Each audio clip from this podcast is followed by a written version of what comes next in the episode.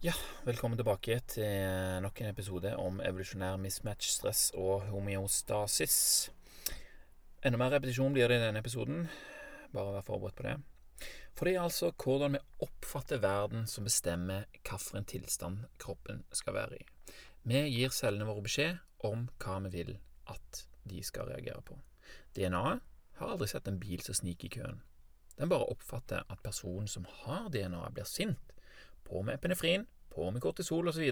Individet, individet er trua. Det er kortisolet sin oppgave å sørge for at blodet sendes til armer og bein. sant? Det er kortisol som ofte kalles for stresshormonet. Og blodet hentes fra indre organer, hjernen og andre blodforbrukere som ikke prioriteres i en tilstand av flukt eller kjemp.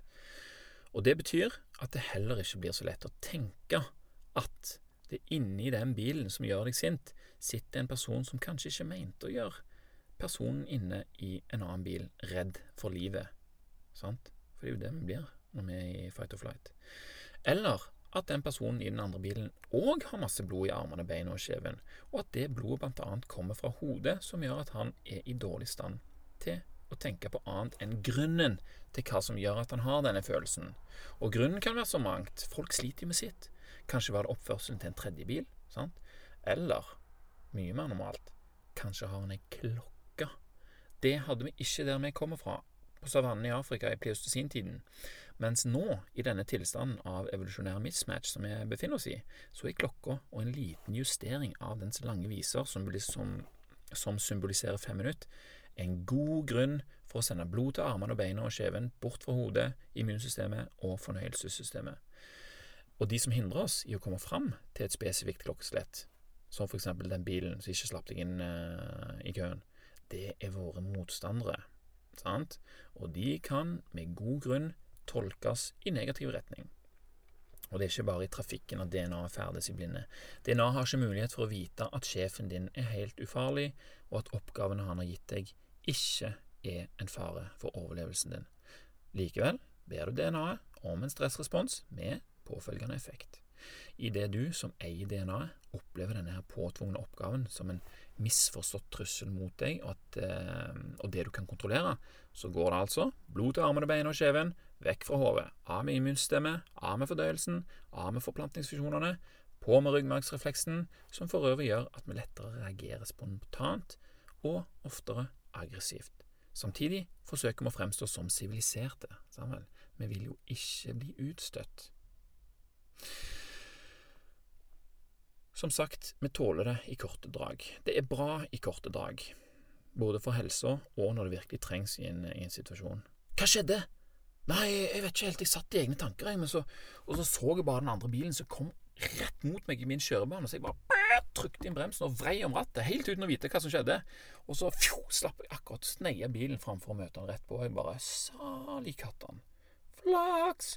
Der har du en god konsekvens av uh, den umiddelbare effekten av, uh, av epinefrin som uh, setter i, i verk ryggmargsrefleksen og sånne ting. Sammen.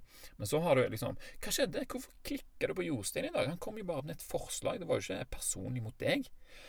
Åh, nei, jeg vet det. Jeg har sovet så dårlig pga. en deadline på jobb, og jeg har vært stressa i flere dager nå.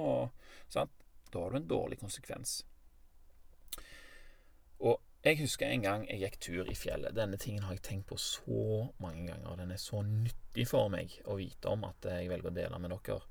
Og Det jeg så, det var ikke helt uvanlig. Det var en sau og noen lam som sto og tygde gress og kikka tomt foran seg. Og det gjorde de helt fram til jeg var en sånn 10-15 meter ifra de. Da våkna de til, og så bjella og brekte de. Blablabla.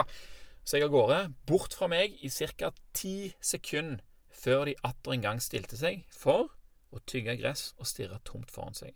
Hm. Der har du en stressrespons som fungerer etter hensikten. 10-15 sekunder uten blod i hodet og uten at immunsystemet, fordøyelsen og reproduksjonsevnen er til stede, det er noe den sauen fint kan tåle. Og den sauen den reagerte på det som faktisk skjedde. Sant? Det var en potensiell trussel som nærma seg. Vi mennesker vi er noe annet. Vi er noe mer. sant? Vi, vi, ser ikke for oss at vi er dyr, sånn som vi snakket om tidligere. Vi kan utløse denne her stressresponsen ved tankens kraft og opprettholde den over tid, helt uten at det eksisterer noen reell fare i det hele tatt. For oss så holder det at vi ser for oss en. Ser vi for oss at vi ikke blir ferdig med oppgaven vår før deadline, så får vi kanskje et lite sånn et lite stikk av hvordan det vil få oss til å føle oss. Og vi begynner å lete etter det som bekrefter denne følelsen. Flere grunner til at det skal gå som vi frykter. Og det er vanskelig å oppdage det, eh, de tingene som sier at det skal gå bra likevel. Sånn?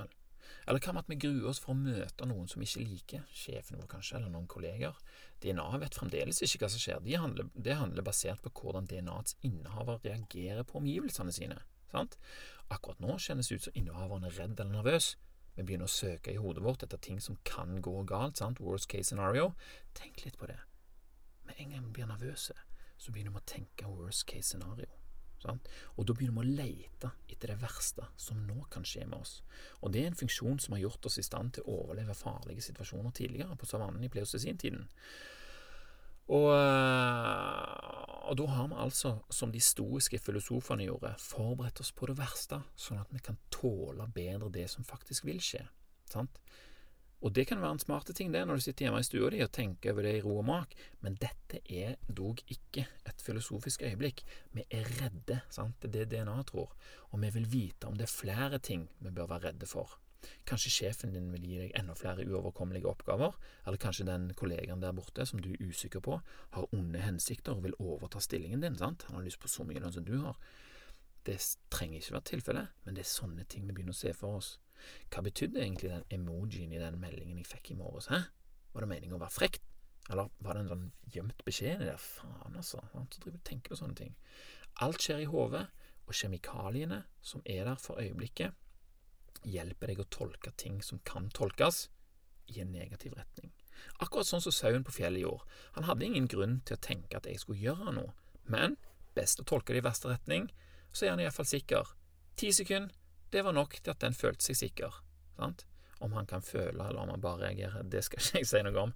Men sauen gjorde iallfall sånn som han gjorde, og som var ferdig med den saken. Sauen har ikke den samme kreative evnen som du har.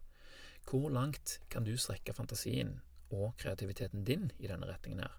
Kanskje det er flere rundt deg som har onde hensikter. Kolleger, biler, din egen ektefelle, kanskje dine egne unger til og med.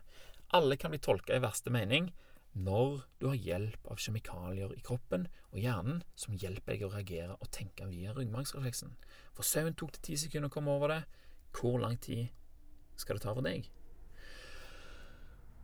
Om det er en tanke om et potensielt framtidig scenario eller en ekte opplevelse som skjer i nuet, så blir prosessen den samme. På med epinefrin, kortisol, blod til armene og beina, av med fordøyelse og immunsystemet. Gruer vi oss i flere dager, produserer vi kortisol i flere dager. Og etter hvert så vil kanskje mangel på vedlikehold slite på ett eller flere av systemene i kroppen, og vi begynner å få diverse plager. Dårlig mage, søvnvansker, vondt i hodet, høyt blodsukker, høyt blodtrykk, er det en forkjølelse jeg kjenner som kommer snikende? Når vi er stressa, så blir innholdet av en veldig viktig kar som kalles for immunoglobin A i blodet lavere. Oppgaven til immunoglobin immunoglobulin A Vanskelig navn på disse tingene. Det er å fange og uskadeliggjøre fremmede bakterier i blodstrømmen vår. Sant? Han er formet som en Y, og så fanger han uskadelige Nei, fanger han skadelige bakterier og, og ting og tang i blodet vårt med den Y-en. Bare lukker den nye rundt i, og så bare uskadeliggjør den. Når vi er stressa, er det færre av de i blodet vårt. Sånn, du skjønner hva det betyr? Det er nedregulering av immunsystemet. Vi tåler mindre omgivelsene våre når vi er stressa. Tenk på det, for det er så sykt viktig. Det bør være en kraftig motivasjon for oss til å snu på den prosessen og få mer immunoglobulin A i blodet vårt, som kan ta seg av disse tingene som skal, som skal sende oss inn i en enda verre tilstand enn vi er når vi er stressa. Og hvis vi blir vant med å gå inn i stressrespons, sant? så vil hodet vårt bli kjent med denne måten å reagere på. Synapsekoblingene blir robuste, og det blir lett å finne passende situasjoner å aktivere stressresponsen på, og det blir lett å sette den i gang. Kanskje det til og med blir lettere å bare være i den situasjonen enn å skru den av og på. Det er det som kalles for kronisk stress. Sant? Men er konstant ute av homeostasis, som jo er det beste å være i for at kroppen skal kunne adlyde hjernens ønsker. Sammen. Synapsekoblingene for stress de blir robuste, de er velbrukte, og de er blitt det vi kaller for en vane, og kanskje kan vi strekke det så langt som at det er blitt en del av en personlighet. Husker du at stressresponsen òg innebærer produksjon av dopamin? Ja da, vi kan bli avhengig av å skape denne følelsen for oss sjøl, en kjent følelse der vi forventer dopamin. sant? Vi vet hvordan vi får tak i det skuddet vi trenger for å havne i en tilstand vi er vant til å være i. Det er behagelig å være i en tilstand som vi er vant til å være i, for det er forutsigbart. sant? Om den situasjonen er elendig, spiller ingen rolle. Koblingen og prosessen for å komme tilbake i homostasis, der kroppens systemer fungerer sammen, den svekkes jo, sant. Og som jeg sa sist òg, at det, den skal jo egentlig bare skje av seg sjøl når stresset er forsvunnet. Men hvis stresset aldri forsvinner, da kommer jeg heller aldri tilbake i homostasis. Både stress og hvile er ting som vi ikke styrer sjøl. Det er omgivelsene og det som individet blir utsatt for i de, som skal regulere dette her. Og når det ikke lenger er samsvar mellom de to tingene der, hvor mye stress du blir utsatt for, og hvor mye ro du blir utsatt for, så må vi jo finne ut hvordan vi kan jevne dette her ut. Kan vi gjøre noe for å trigge rest and digest med vilje for å jobbe mot denne her overeksponeringen av stresstriggerne som vi blir utsatt for? Det blir vanskelig og krevende å finne tilbake sant, når du aldri gjør det, og Fight or Flight har overtatt for Rest and Digest når det kommer til hvem som eh, noen tilstander du tilbringer mesteparten av livet ditt i. Og En studie fra, fra Amerika viser jo da at eh, folk tilbringer 70% av tida si i stress. Og det vil jo da si at eh, det blir mesteparten av tida. Og når du er i stress, så har du kortisol i kroppen, lite blod i hodet, hodet lite blod i hodet fører gjerne til handlinger som er tatt i affeksjon. Og det sørger ryggmargsrefleksen for. sant? Og det kan være at en går for en umiddelbar belønning framfor en forsinka en. Sånn du kan kjefte på noen, kjøpe fastfood på vei hjem fra jobb, eller en sjokolade og en fempakning eh, på vei hjem fra jobb der. Uh, og du kan sitte i koma foran TV-en til det er for seint til å bli opplagt i morgen. Det kan være noen sånne handlinger som du gjør i, i affeksjon med ryggmargsrefleksen din. At du bare gjør det. Sånn. Men å vente med å reagere til en har noe konstruktivt å komme med, å lage en god middag, og spise en boks med sardiner på vei hjem fra jobb, lese ei bok og legge seg til fornuftig tid som samsvarer med morgendagens oppgaver, det vil være det motsatte. Vel? Og det er mye lettere å gjøre det motsatte når vi er i homeostasis, og da er det òg mye lettere å holde seg i homeostasis. For under fight or flight-responsen så går vi for den negative varianten, hvis en kan velge mellom positivt og negativt utfall av en situasjon. Glasset er halvtomt og vel så det. Og en annen person, persons handling tolkes altså da i negativ retning, hvis vi kan velge. Og alle de tingene de forsterker den eksisterende situasjonen. Og vet du hva? Til slutt så er du like god til å stresse som du er til å renne ned den slalåmbakken som vi snakket om i episode 111. Synapsekoblingene er blitt så robuste at det skjer automatisk uten at du trenger å, å, tenke over det. Du forbinder bilen med stress, du forbinder jobben med stress. Kroppen kjenner seg igjen når han er der. Og, og vi kan jo se for oss at, liksom, at han sier Ja, nå skal jeg i stressomobilen for å komme meg til stressomoteket. Ah, yes, dette her kan jeg. Trenger ikke tenke det fram. Jeg blir trigga av omgivelsene siden jeg har gjort det så mange ganger før. Er det noe mer kan, som kan styrke og utvide de robuste stressynapsene mine med i dag, mon tro? Sant? Vi leter etter det i den tilstanden her, vet du. Og Samtidig så er det viktig å ikke gjøre noen utilpass, for da risikerer vi å bli utstøtt og havne i kløret på en sulten løve eller gepard. Og når jeg er ferdig med å stresse på jobben i dag, der alle, mi, der alle mine motstandere er, så skal jeg være så sliten og irritert at jeg skal spise noe usunt på vei hjem fra jobb. På trass. Bare for å midlertidig dempe effekten av dette her. Toppa med dårlig samvittighet så kommer litt senere, så klart. Og da skal jeg tenke at oh, jeg blir nok aldri bedre, jeg. Og dette her kan jeg, dette har jeg gjort mange ganger før, og det er jeg god til, Samuel. Så, så det er lett for meg å planlegge at jeg skal gjøre det. Og når, det er lett for meg å planlegge at jeg skal gjøre det, så er det òg lett for meg å utføre den handlingen. Å gjøre noe annet, nei, det blir slitsomt i forhold, for det innebærer synapsogenesis. Det. Som om jeg ikke har nok å henge fingrene i, Samuel. Etterpå så skal jeg se noe på TV som krever så lite av meg som mulig, og i den tilstanden så vil hjernebølgene mine dempe seg fra gamma, som er den analytiske eh, hjernebølgene, til alfabølger. Å, oh, det er da du blir avslappa. Å være gamma det var nyttig for mine forfedre på dagtid, for da var det den analytiske tilstanden som hjalp de å jakte og navigere miljøet sitt. Høy gamma frekvens. Det kjennetegner stress og gjør at hjernen blir overanalytisk, sant? ofte i negativ retning. Og Det hører bil og jobb til. I alfa blir jeg mindre analytisk og mer mottagelig for den informasjonen jeg presenteres for. Jeg trenger, jeg trenger ikke tenke så mye for den, bare går inn. Egentlig så var jo det ment for å kunne ta en nyttige og praktiske og kulturelle historier fra de andre medlemmene av stammen min rundt leirbålet, ting som hadde med min egen tilværelse å gjøre. Men nå tar jeg heller ukritisk til meg historier som blir presentert for meg på TV.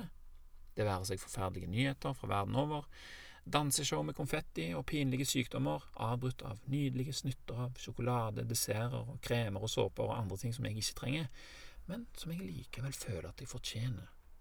Jeg blir ikke påvirket av reklame, siden jeg er så vant med det, men på et eller annet merkelig vis ender jeg opp med å kjøpe disse tingene likevel, men det er ikke på grunn av reklamen. Det er deilig å sitte og se, deiligere enn å legge seg. Jeg legger meg seint, og før jeg sovner, så ser jeg på andre menneskers perfekte liv. De har det bedre enn meg.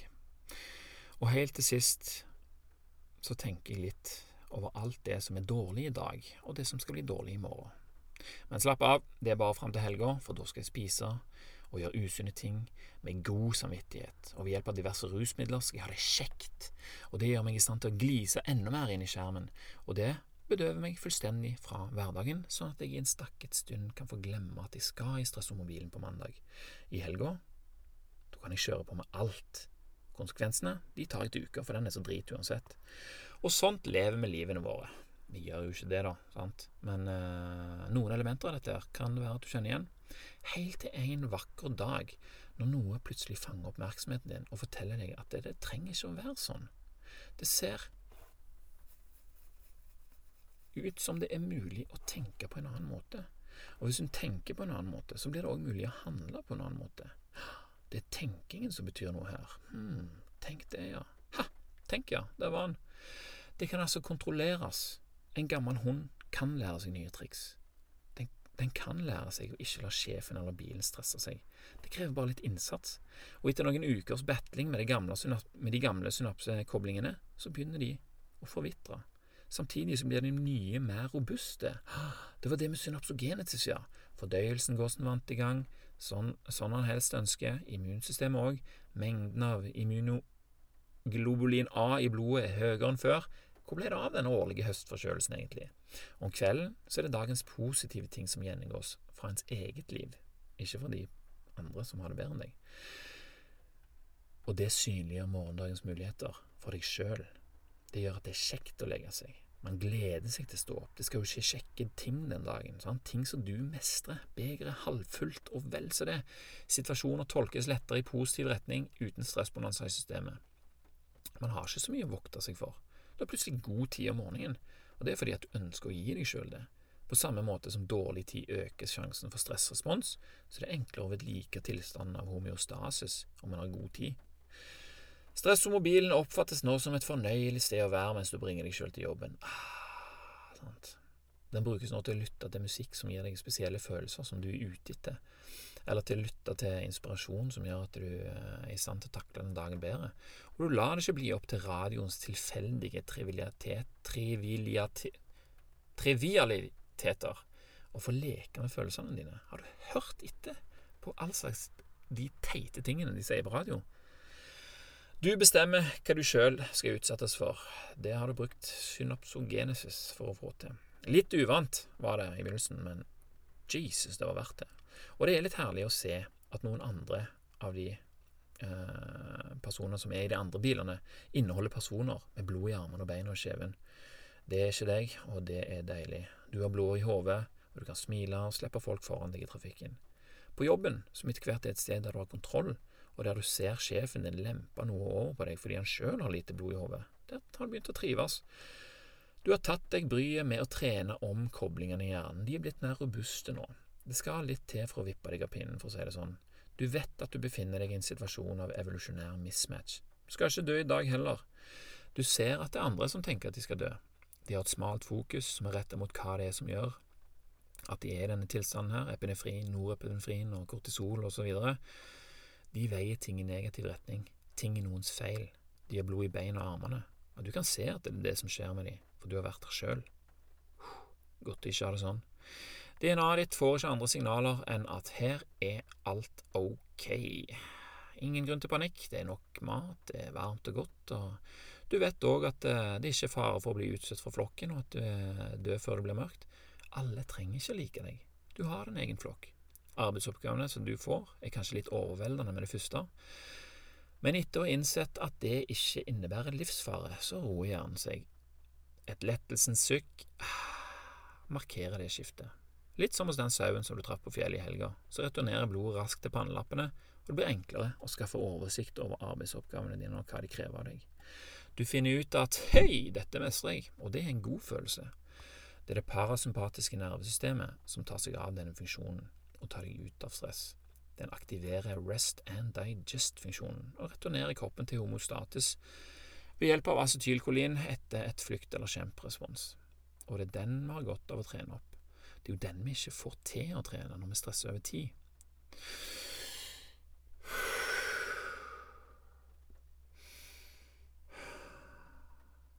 Et par dype innpust og en kontrollert ro i pusterytmen er det som skal til.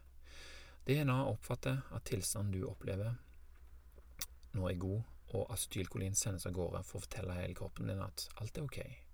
Immunsystemet er tilbake, fordøyelsen, pulsen senkes, hjertevariabiliteten øker. Alt det som skjedde når vi først blir stressa, det blir nå reversert. Fight or flight er bytta ut med rest and digest. Ah, det er jo bedre, det og du smiler til folk på ekte, for du har ting i orden, og du kan dele ut av overskuddet ditt til de som trenger en liten touch av noen andres overskudd. Overskudd det har du òg til å meditere eller dra på yoga eller hva det nå er du har lyst til når du kommer hjem, og det er ikke fordi at du har kapasitet til å tvinge deg til det, du gjør det fordi du gleder deg til det. Fremdeles har du kapasitet til å handle og spise det du hadde tenkt å spise når du i morges planla hva dagen skulle innebære, og det smale fokuset som tidligere tappa deg for beslutningskapasitet og sendte deg foran TV-en for å bli utsatt for andres hensikter, siden du ikke var i stand til å utsette deg for dine egne hensikter, det er vekk. Fokuset er bredt, og nye ideer og tanker kommer flaksende når du minst venter det. Nå kan jeg jo lese en bok om kvelden, sier du. Hjernen min befinner seg i lav beta når jeg gjør det, en avslappende tilstand som gjør meg i stand til å tenke og tolke det jeg leser, samtidig som jeg slapper av. Hvorfor gjorde jeg ikke dette tidligere? Det føles så lett nå. Det er fordi du har lagt inn innsatsen. Du venta ikke på at det skulle komme en magisk fe inn døra di og gi deg livet ditt som du mente du fortjente. Det kalles for lotterimentalitet, og ingenting godt kom ut av det. I den tilstanden som du pleide å være i, så fortjente du bare de tingene og de sjokoladene som du kjøpte for penger du hadde tjent på den jobben som hele tiden gjorde deg redd for livet. Du innså at du måtte gjøre noe sjøl, og det krevde innsats, og nå fortjener du å ha det som du har det. Du eier det, og vet hva det koster å komme dit. Du kaster ikke det bort igjen. Så tenk litt over dette her. Om ikke noe av dette treffer deg, så kan det hende at det høres ut som noen andre du kjenner. Kan de i så fall nyte godt av en liten touch av overskuddet ditt? Det blir i så fall leksa di til neste gang, i tillegg til å ta et lettelsens sukk hver gang du oppdager at du ikke er i livsfare. Det er det jeg pleier å gjøre når jeg kjenner at jeg er litt stressa. Tar ett dypt pust, slipper magen helt ut. Og så kommer det påfølgende noen sånn